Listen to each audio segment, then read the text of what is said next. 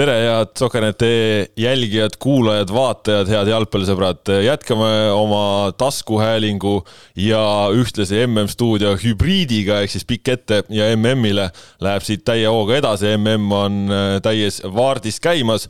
minu nimi Kaspar Elisser ja hea meel on äh, täna siin tervitada rindeoperaatorit, spordidokumentalisti ja jalgpallifänni Ivar Heinmat. aitäh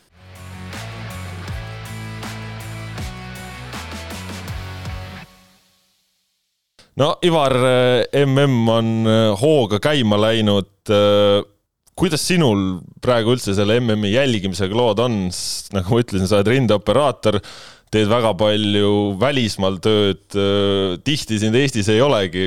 kui palju oled jõudnud MM-i jälgida? no praegu ma, kuna ma Eestis olen, ma olen näinud kõik mängud ära, ma olen absoluutselt kõik mängud vaadanud ära, aga ma kardan juba, et järgmine nädal ma sõidan Ukrainasse kaheksandal ja siis jäävad ilmselt mängud vahele kuidas seni siis turniir äh, sportliku poole pealt äh, tundunud on, on pakkunud sulle rõõmu? väga on meeldinud just see, et tuleb üllatusi, on ju, et, et ennem Argentiina, keda ma pidasin üheks kõige kindlamaks võitja soosikuks, on ju, sai esimese mängu kotti kohe, et see oli pauk ja muidugi Saksa kaotus samamoodi. aga see teeb spordile head, see teebki seda asja põnevaks. no mm toimub Kataris ja, ja selle üle on väga palju räägitud. sina oled oma töös näinud väga palju korruptsiooni, väga palju inimõiguste rikkumisi kõike seda, mida tavaline inimene näha ei taha kuidas sina suhtud sellesse, et see mm toimub just nimelt Kataris? noh, suure rahaga ostetud, see on selge ju, et nagu on kuulda olnud, et kaks kolmandikku on kinni peetud nendest, kes seda otsustasid, on ju, korruptsiooniga vahele jäänud, on ju, noh, see näitabki seda kuradi värki. ehk siis äh, on ta selles mõttes ka nagu paratud, saab sinna midagi teha, et osad inimesed praegu räägivad, et nad ei vaata MM-i sellepärast, et, et see toimub seal kuidas sina nagu see...? minu, minu meelest nagu selles mõttes boikoteerida pole mõtet, on ju, et jätame spordi ikkagi spordiks, on ju, ja samas ütleme, need mängud on tegelikult ilmselt, ma arvan, jube hästi korraldatud, on ju, statjad on kihvtid kõik, on ju, telepilt on muidugi super, mis sealt tuleb, kõik need kordustega, on ju. et las, las see sport jääb ikka spordiks, on ju, ja need inimõiglused, nendest oleks pidanud ennem juba vaatama, ennem kui need mängud üldse sinna nagu anti aga praegu on juba hilja, et las, las sportlased naudivad seda.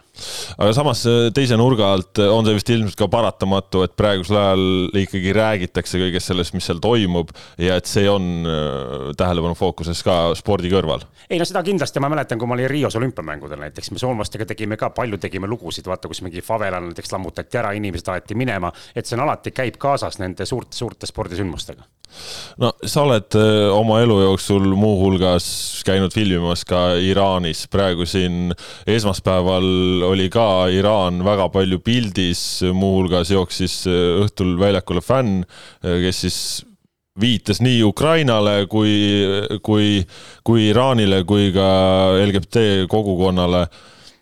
kas sellised asjad äh, nagu sinu vaatevinklist on ka, et see on nüüd õige asi, et, et me näitame ja et need inimesed püüavad seda MM-i kasutada selleks, et rääkida nendest probleemidest, ükskõik siis, mis, mis, mis vahendeid selleks kasutatakse. tead, see on jube kahe otsaga asi, et kindel, kindel on see, et, et alati on öeldud operaatoritele, režissööridele, et kui keegi jookseb väljakule, et seda näidata põhimõtteliselt ei tohi, nagu siin oli ka, näitas vilksamisi on ju ja pärast tulid fotod muidugi sellest, kes see seal üks mees oli platsi peal on ju, särk seljas ja kõik on ju. et ma jälle ei oska öelda, et okei okay,, et tingimata on vaja muidugi tähelepanu juhtida, aga ütleme, kas see keset mängu palliplatsil on nüüd kõige õigem koht sa oled äh, oma töös lisaks sellele, et sa oled palju käinud rinnetel, tõesti ka spordidokumentalistikasse palju panustanud. eelmisel EM-il sa olid väga lähedal Soome koondise juures. räägi, mis sa tegid eelmisel EM-il? No eelmisel EM-il me olime jah, Soome, Soome koondisega olime Peterburis, käisime nende Repino baasis, kus nad treenisid, tegime seal igapäevased nende treeningud, peale mängu intekad, kõik nagu vaja.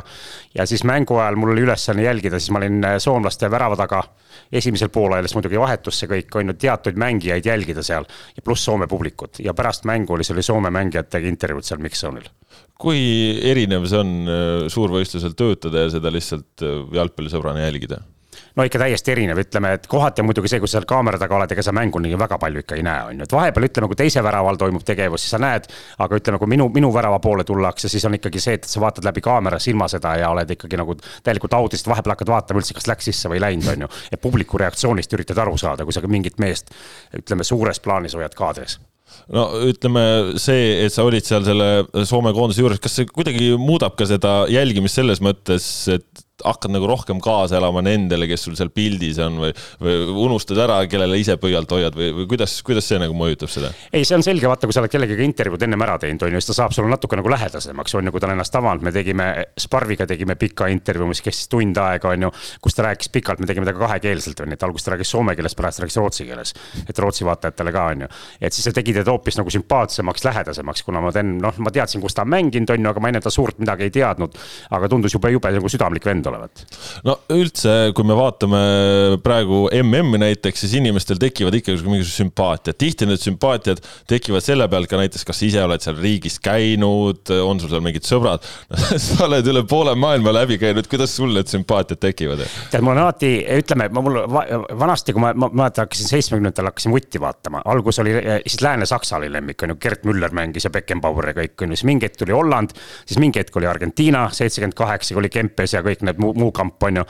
aga nüüd on hilisemal ajal hakanud tekkima ikkagi mängude käigus on hakanud tekkima mingi meeskond, mis on jube sümpaatne, nagu viimastel, viimasel MM-il oli Horvaatia näiteks, on ju.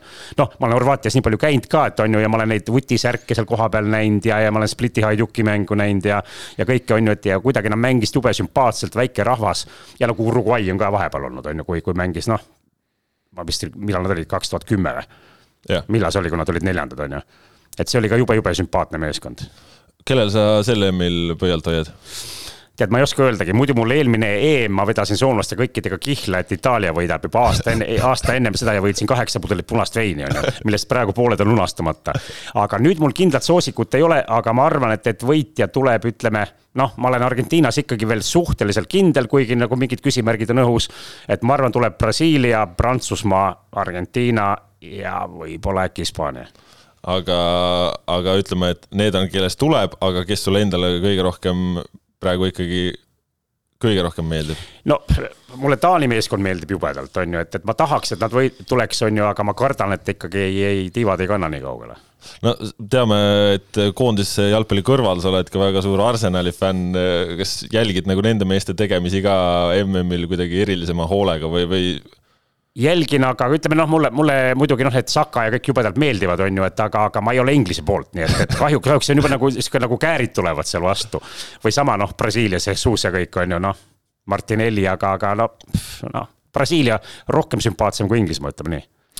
praegu see mm on Kataris, sa oled ka varem käinud suurvõistlustel päris palju. millised äh, su sellised võib-olla värvikamad kogemused üldse eelnevate turniiridega on? näiteks viimasel MM-il ma olin, ma olin Venemaal.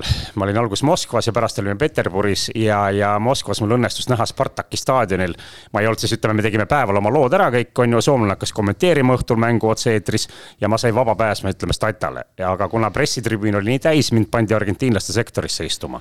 ja see oli mäng just Argentiina-Island. ja äkki, ütleme, mäng oli kestnud kümme minutit, äkki ma vaatasin kõik Argentiina publik jookseb selle seina äärde. seal oli nagu vahe, vahe oli eraldatud klaasiga ja oli sihuke nagu sügavik seal vahel. ja siis hakkas teine klaas ja äkki rahvas kõik jookseb sinna klaasi juurde, hakkab karjuma ja siis ma vaatasin, Maradona ilmus kohale. ta istus seal, rahvas kõik röökis, karjus, skandeeris ta nime, ta lehvitas neile kõik. siis olid käes, olid kõik sõrmuseid täis, ta pani sigari ette, vaatas natukene, siis äkki olid silmad tagurpidi, jäi magama. et see oli nagu jube, jube hea, tead nagu noh, sihuke vaatad nagu sihuke staar kohal, et, et ja pooltel inimestel üldse see mäng unustati ära, Messi platsi peal mängib kõik, on ju. ja enam kõik vahivad Maradonat seal kõrval kas sinu jaoks jalgpall on ka asi, mis aitab sul unustada ära kõike seda, mida sa tööalaselt näed ja kokku puutud? ei, kindlasti on lemmiksport ju vaieldamatult, et ja noh, kui vaatad maailma, maailma mastaabis juba, kui, kui palju sellel jälgijaid on ju, sa võid siin vaadata mingit laskesuusatamist, mis mulle ka õudselt meeldib. aga samas vaatad, see harrastajate kamp on ikka jube väike ja jälgijate kamp, kui hakkad kuskil, ütleme Lõuna-Euroopaski peatonist rääkima, ei tea, mis asi see on, et noh jalgpall, on ta aidanud äh, ka võib-olla tööalaselt luua inimestega sidemeid või, või kuidagi paremini ühist keelt leida? no siit tulebki üks hea lugu, ma olin Ken Saaniga, olime Keenias. tegime lugu ja käisime kiberas slummis, mis on Aafrika kõige suurem slumm, on ju. ja seal mustadel käis õudne mäsu käis, pandi kõike, seal valimised tulid, nad valimistulemustega rahul, pandi kummid põlema, peksti kaigastega aknaid puruks kõike. ja me läksime sinna, kaks valget meest nagu kaks lolli, on ju, ja äkki mingid musta mehed piirasid ümber ja üks, üks teatab meile, nüüd me tapame teid ära. ma ütlesin, et ärge tapke, aga ma vaatasin, tal oli West Hami müts peas ja siis ma küsin, et aa, et sa oled Westmani fänn või? ja ta ütles, et on jah, ja küsis, kelle fänn mina olen, ma ütlesin Arsenal. aga Arsenal Aafrikas on üks kõige tuntumaid jalkaklubisid üldse, kuna see oli üks esimesi klubisid Inglismaal, vaata kus musti tuli hästi yeah. palju.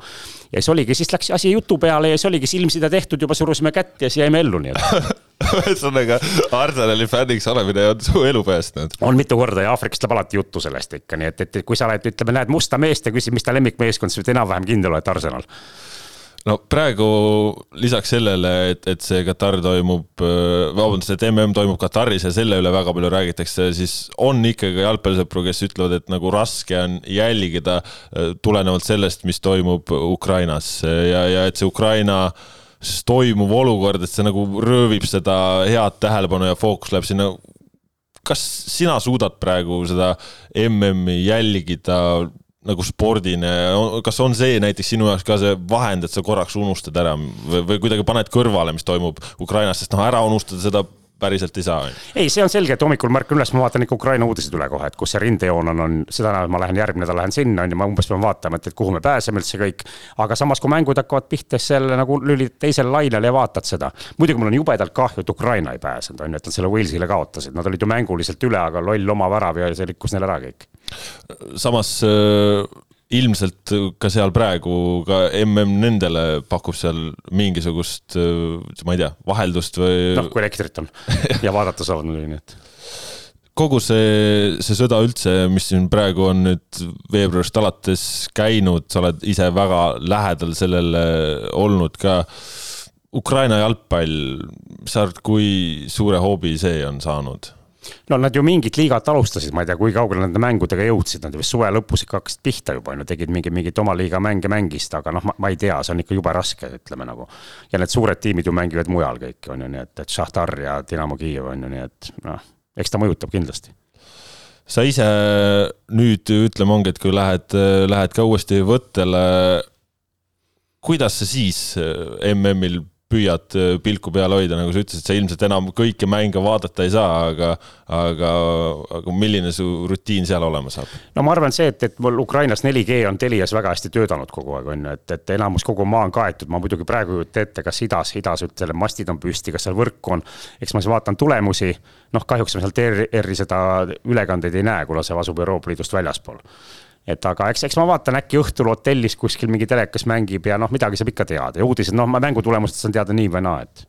No sellega seoses võib-olla ongi, et sa oled ka ju ilmselt varem suurvõistluste ajal olnud igal pool üle maailma võttel, et kui keeruline või raske on, on jälgida jalgpalli ükskõik siis millises maailma otsas, on sul mingisuguseid nagu väga kummalisi seike olnud sellega seoses või, või kuidas see jalgpallil nii-öelda silma peal hoidmine. ei no vutti vaadatakse igal pool, ütleme kõik pubid, baarid, kõik on lahti, on ju, ja, ja siis muidugi peab vaatama jälle, et, et kuhu sa satud, on ju, et, et, et kelle poolt sa oled. tihti on see, et ma mäletan Londonis oli ükskord olime võttel, on ju.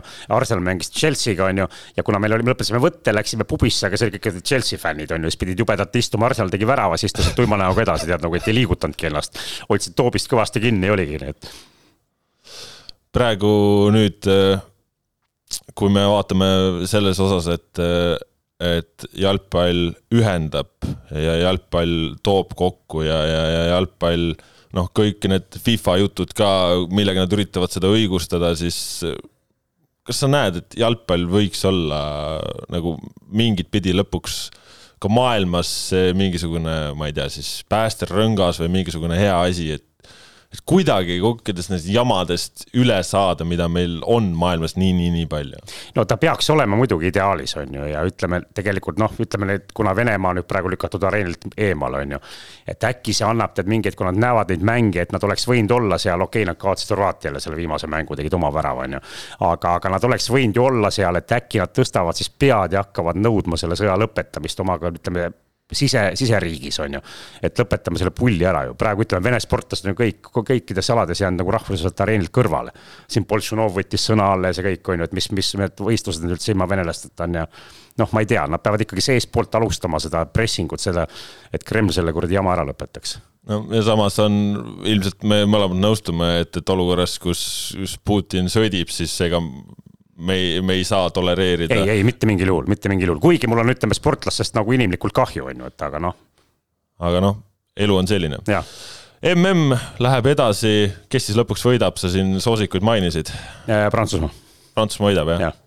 kuigi Benzema on vigastatud, alguses ma olin, ma oleks kindlalt ennem ennustanud äh, Prantsusmaad. aga Benzema sai vigastada, Kolo on väljas, on ju, Pogba on väljas. siis ma mõtlesin, kurat, neil jääb ka see koondis jääb jube lahjaks nagu, aga praegu on ikka noh, päris võimas, nii et aitäh, Ivar, et äh, tulid täna, aitäh, et äh, leidsid aega rääkida, soovime sulle edu siis äh, töistes tegemistes, et jääksid ikka terveks ja, ja hing püsiks sees. ja aitäh vot sellised olid Pikk ette ja MM-ile jalgpallijutud täna saates külaliseks Ivar Heinma, rindeoperaator, spordidokumentalist. rääkisime siis sellest, kuidas tema jalgpalli jälgib ja, ja kõike sellesse suhtub. uued jalgpallijutud tulevad juba mõne päeva pärast, nii et püsige ikka Sokkerneti lainel, kõike head